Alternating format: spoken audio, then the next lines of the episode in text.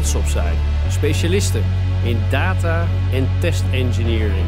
In een tijd waarin informatietechnologie met grote stappen terrein wint. Een beweging die wij omarmen en uren over kunnen praten. Hoe het is om erin te werken. Om up-to-date te blijven. En om onderscheidend te zijn. Welkom bij de podcast Powered by Closure. Ja, welkom bij de podcast Powered by Closure. En naast mij zit Vincent Robbe. en tegenover mij zit. Frank van der Kuur. En eh, mijn naam is Hans Rusink. Eh, en namens de heren mag ik eh, iedereen welkom heten bij de eerste podcast van Closure. Eh, in het leven geroepen, omdat wij met regelmaat artikelen en blogs eh, publiceren. Eh, maar ook eh, de hype rondom eh, de podcast ons niet voorbij gaat. En wij zelf fanatieke podcastluisteraars zijn. Dus hebben gemeend die zelf ook in het leven te moeten roepen. We hebben voor de eerste gekozen voor Frank van der Kuur. Welkom Frank. Dankjewel. Ehm, en waarom hebben wij gekozen voor Frank? Nou, buiten het feit dat hij een van de prominente medewerkers, consultants is eh, van Closure, is hij ook onze technical lead.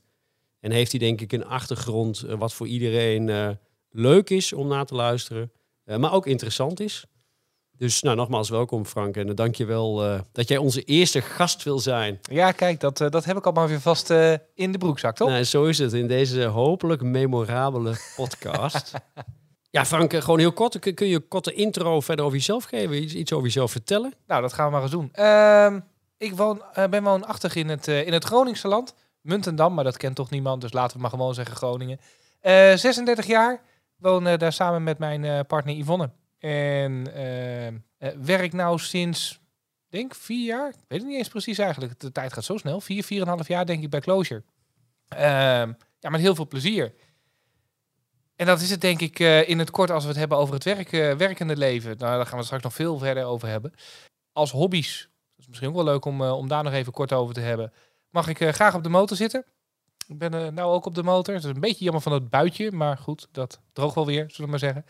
Ja, en verder mag ik bij eh, allerlei vrijwilligersdiensten nog wel het een en ander doen. Bij het Rode Kruis. Eh, ik rij als motaar op sportevenementen mee, dat soort zaken.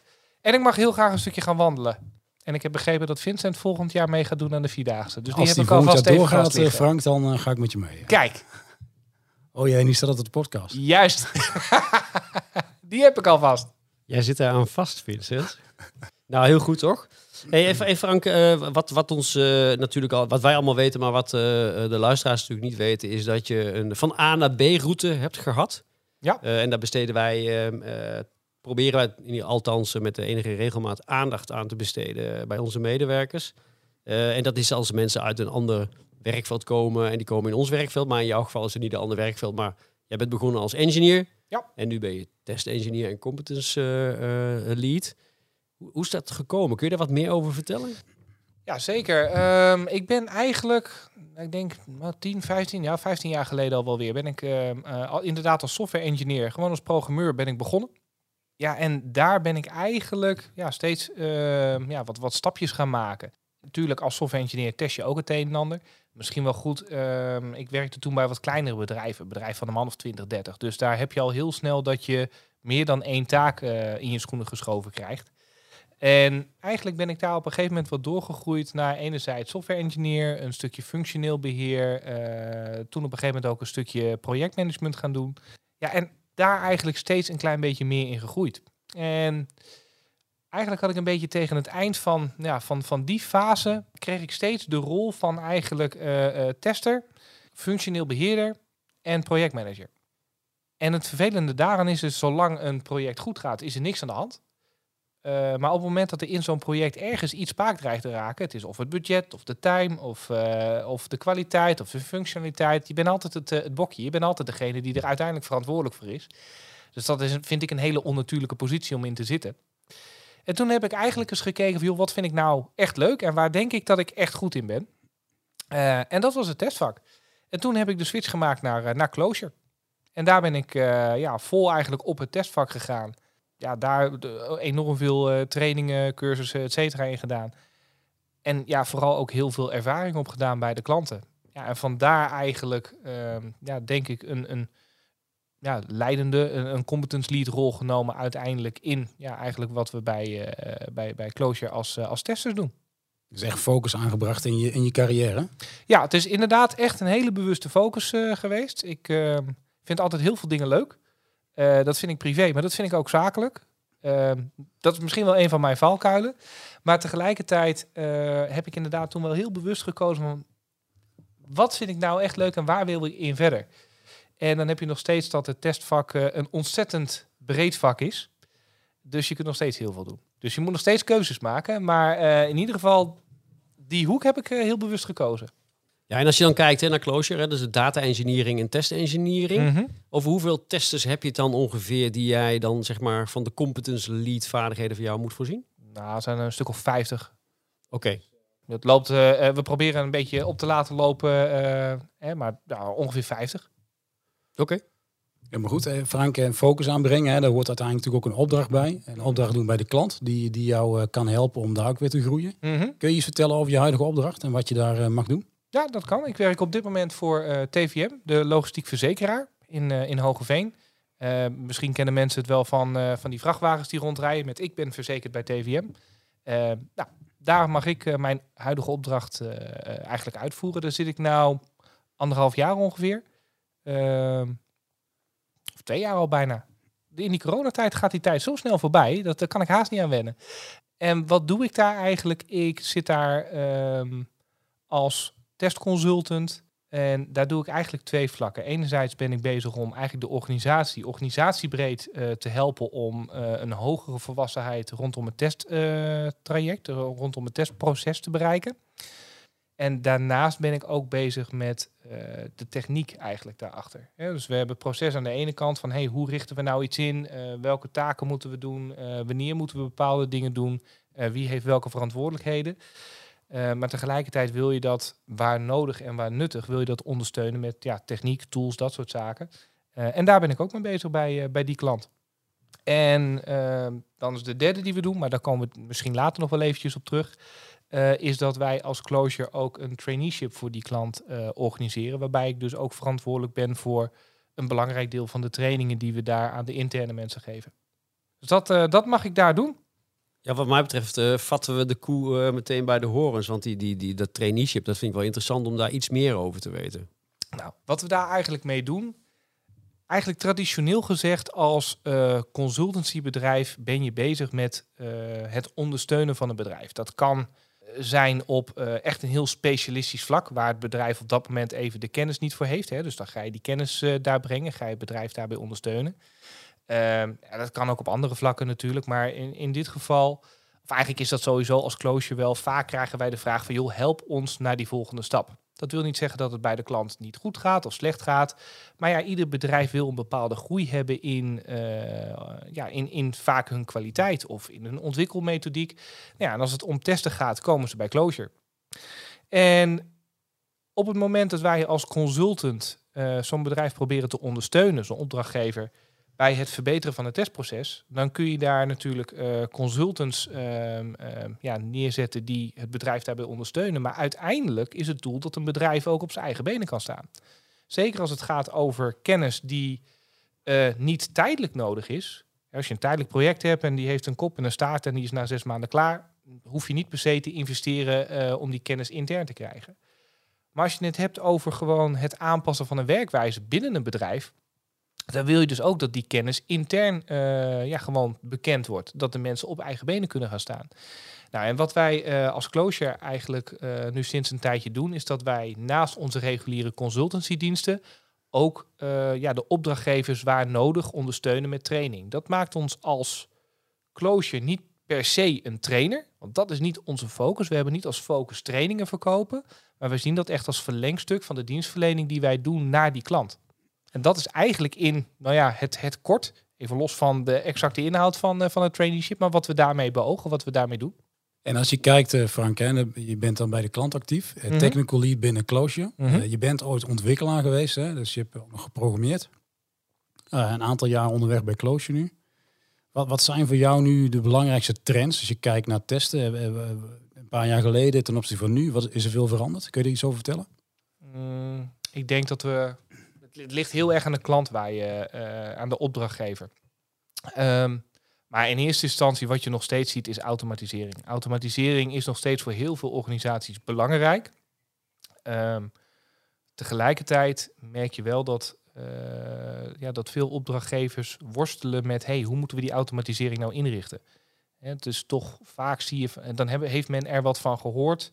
eh, en dan gaan we er maar mee aan de gang. Maar uiteindelijk moet het passen in een proces.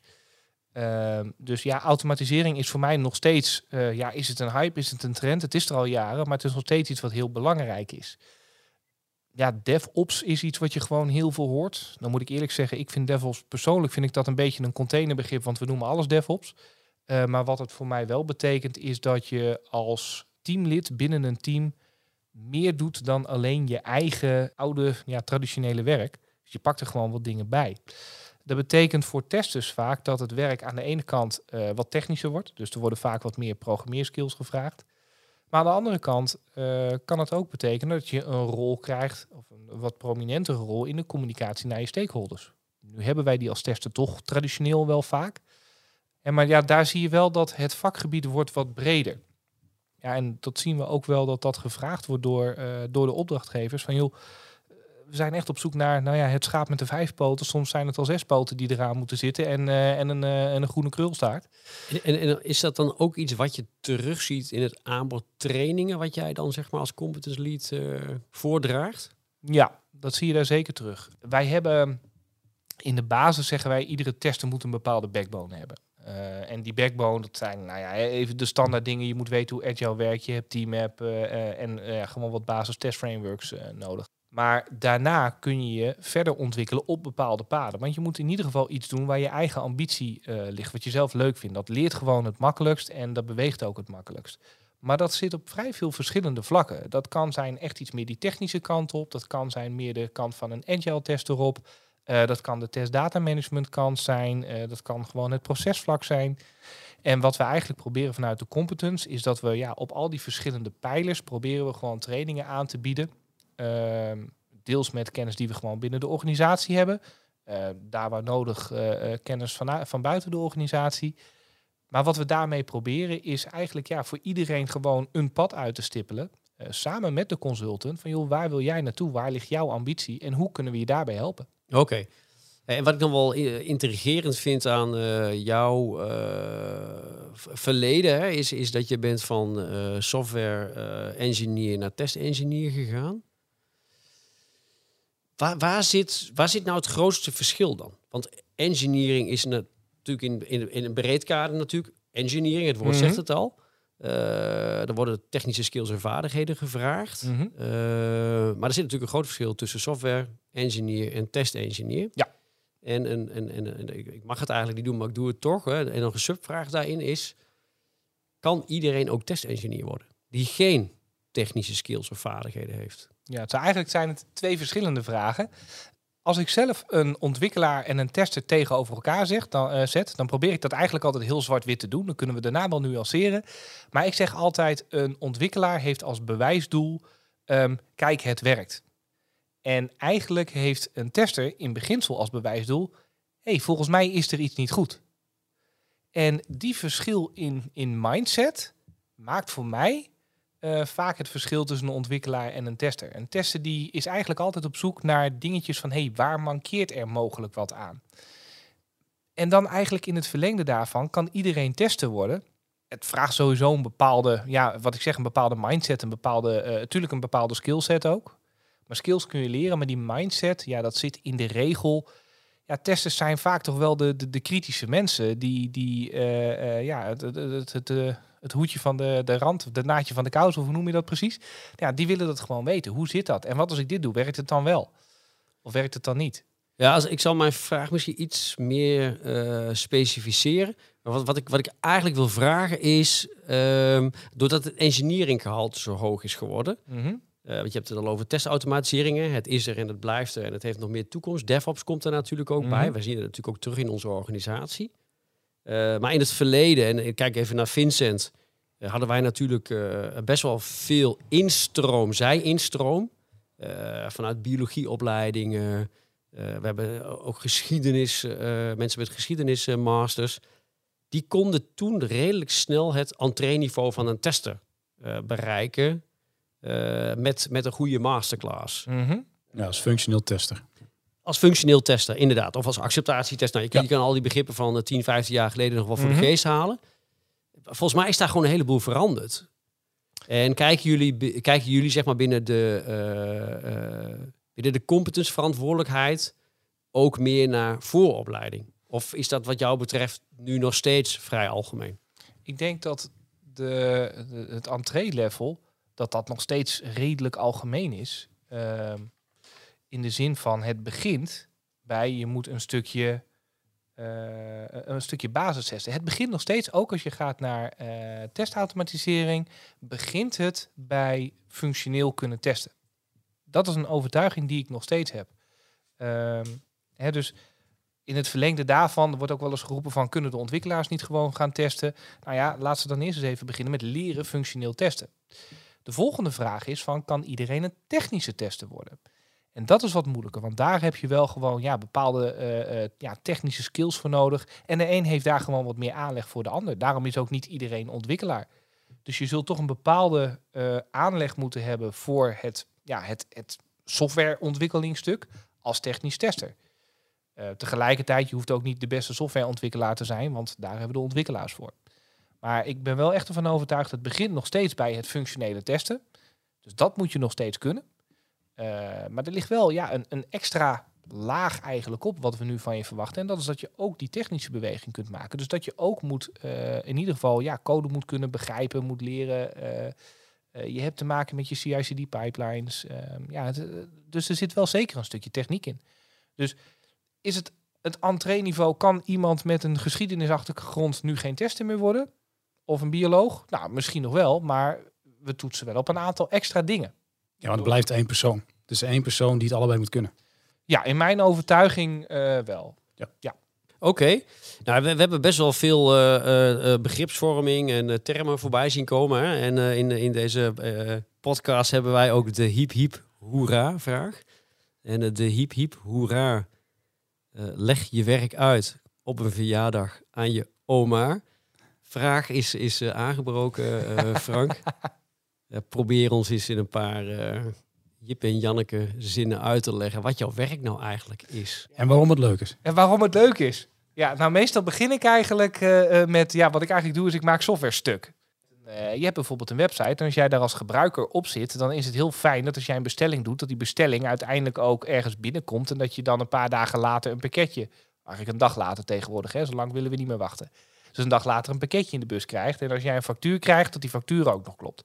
En dat is dan eigenlijk hetgene wat, eh, ja, simpel gezegd mijn werk is. Ik zorg ervoor of ik controleer of eh, ja, datgene wat men als bedrijf bedacht heeft aan functionaliteit, dat dat uiteindelijk ook op die manier werkt. En tegelijkertijd proberen we daar ook nog via omwegen eh, ervoor te zorgen van oké, en wat als ik nou ja, wil proberen om het systeem eh, stuk te maken als, eh, als klant. Hè? Dus wat als ik nou eh 12 rookworsten bij de HEMA wil bestellen en niet betalen, lukt me dat dan ja of nee? Nou, dat is eigenlijk simpel gezegd ja, hoe ik mijn werk vaak uitleg. Los van het feit dat we er allerlei technieken voor gebruiken. Maar dat, dat is dan zeg maar de, de vervolgvraag voor de echt geïnteresseerden. Meestal is oma dan al lang weer aan de kaasblokjes. Ja, en ik vind dat, ja, wat is daar leuk aan? Ehm, ja, ik denk dat dat misschien ook wel een klein beetje eh, eh, in je als tester moet zitten. Gewoon het, het vinden van dingen die niet zo bedoeld zijn in software. Ik zal het niet per se fouten willen noemen. Ik heb daar altijd heel veel lol aan. Ik moet ook zeggen, ik heb ook eh, eigenlijk als tester helemaal niet zo'n hele leuke dag. Als ik een hele dag aan het testen ben, ik vind helemaal niks.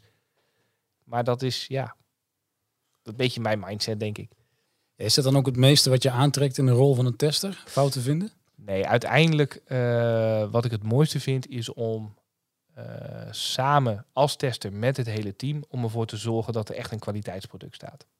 En dat is, eh, ja, daar, moet voor mij, daar zit voor mij dan de uitdaging, want dat is de rol die je als tester, eh, ja, die je als tester echt primair hebt. Hoe zorg ik ervoor dat de kwaliteit van dat product beter wordt? En de beste manier om de kwaliteit van het eh, product te verhogen is om gewoon het hele ontwikkelproces eh, te stimuleren. Om ervoor te zorgen dat daar gewoon kwaliteit vanaf dag één in zit. Vanaf het moment dat je bezig gaat met requirements, uh, op het moment dat je bezig gaat met ontwikkeling, iedere keer daar die controles op kwaliteit. Zodat je uiteindelijk gewoon een goed kwaliteitsproduct hebt. Ja, dat is uiteindelijk voor mij de drijfveer om te doen wat ik doe. Ehm, ja, en op een gegeven moment is dat doel nou ja, bereikt kan altijd beter, maar op een gegeven moment, ja, dan zie je gewoon dat de kwaliteit structureel gewoon beter is van een product. Ja, dan word ik vaak een klein beetje zenuwachtig van, nou, dan wordt het weer tijd voor een volgende, volgende klus, want dan is mijn, uh, is mijn werk gedaan voor die klant dan, of voor, voor die opdracht, voor dat project. En, en blijft, wat je zegt van, uh, ja, iedere tester moet het wel een beetje in zich hebben om die fouten te willen vinden of om die kwaliteit toe te voegen. Maar als je dan zeg maar toch uh, meer en meer met engineering, met testautomatisering bezig bent, blijf je dan nog steeds dat gevoel houden dat je echt dat aan het doen bent? Of raak je zeg maar, nou, laat ik maar zeggen, die emotie bij het werk dan een beetje kwijt? Mm, nee, ik heb dat gevoel eigenlijk niet. Voor mij blijft dat eigenlijk altijd wel. Want ieder testgeval wat je maakt, wat je automatiseert, is in de kern om een stukje kwaliteit te bewijzen. Die kwaliteit bewijs je door te toetsen of een bepaalde fout wel of niet voorkomt. Dus je gaat eerst bedenken, wat zou de fout kunnen gaan? Nou, dat ga je polsen. Ja, dan ga je het automatiseren. Ja, of je het automatisch of handmatig doet, dat is met name een efficiëntievraagstuk. Maar uiteindelijk ben je nog steeds dezelfde test aan het maken. Alleen je doet het op een wat technischere manier, ben je uh, bezig om tot die testen of tot het resultaat, tot die controle te komen. Even terug op jouw rol als, competence lead, hè, test uh, competence lead. Uh, de wereld uh, verandert bijzonder snel om ons heen. Hè. als je kijkt naar IT, volgens mij is iedere week wel iets nieuws of een nieuwe app of alles wat erbij hoort. Hoe zorg je er nou voor dat je vanuit die rol die jij hebt en dan binnen Closure, maar dan ook naar buiten toe, up-to-date blijft op het vakgebied? Ja, nou pre-corona hadden we daar allerlei congressen voor waar je naartoe komt. Uh, natuurlijk heb je ook de wereld aan, aan websites, et cetera. Maar een hele belangrijke is gewoon praten met andere testers. Praat met collega's en directe collega's van Closure. Want die komen uh, uh, natuurlijk bij allerlei verschillende organisaties. Dat is voor mij ook een hele belangrijke reden waarom ik echt heel bewust voor het consultancyvak gekozen heb. als ik bij één klant zou zitten, intern, ja, dan heb ik daar mijn collega's zitten, haal ik daar mijn kennis vandaan. En die is toch vaak iets beperkter omdat je gewoon minder ziet dan dat ik uh, ja, 50 verschillende collega's van Closure heb. Die bij 50 verschillende, nou ja, zitten, soms zitten er twee bij één uh, opdrachtgever. Maar plus, eh, laten we zeggen, 50 verschillende opdrachtgevers uh, zitten. En ja, trouwens, naast Closure collega's zijn er ook heel veel andere collega's die bij andere organisaties werken, die ook gewoon heel veel weten. Dus het is voornamelijk ja, praten, op zoek gaan en daar je kennis op doen. Altijd nieuwsgierig blijven. ja, maar nieuwsgierig, dat zit wel aardig in mijn, in mijn DNA. En als jij dat, dat, dat voorland van uh, software engineer niet had gehad, was je dan nu net zo ver geweest als als je een andere voorland had gehad? Dan had ik in ieder geval heel veel meer uh, moeite gehad om al op technisch vlak te zijn waar ik nu ben. Dan had ik daar een veel grotere achterstand uh, in te lopen. Maar ja, goed, wat als? Ja, het ligt er net aan van ja, wat had ik dan gedaan? Misschien was ik op een ander vlak wel nog een stuk verder als waar ik nu zit voor mij voelt het alsof ik zeg maar uh, de ideale voorgeschiedenis heb, omdat ik zowel op procesvlak, uh, stukje managementvlak en technisch vlak eigenlijk gewoon overal al voldoende van geproefd had, om op al die vlakken ook gewoon door te kunnen groeien. Ik heb nergens, um, ja, hoe zeg je dat, uh, echt een achterstand ervaren van, oeh joh, ik ben nou als tester aan de gang, maar ik moet zo enorm gaan trekken aan dit stuk, om ervoor te zorgen dat ik uh, weer terug in balans kom. Ik heb altijd wel, uh, tuurlijk, ik ben ook gewoon als junior tester begonnen, zoals iedere tester begint. Uh, maar ik heb voor mijn gevoel wel altijd door die voor, voorgeschiedenis een juiste balans gehad in de verschillende pijlers. Ja, en verder is het gewoon door middel van trainingen en ervaring opdoen, ja, zorg je ervoor dat je ja, groeit in je ervaring en in je kennis en kunde. Oké, dus, dus aansluitend op Vincent, continu nieuwsgierig blijven, is het ook eigenlijk gewoon continu investeren in jezelf. Ja, zeker.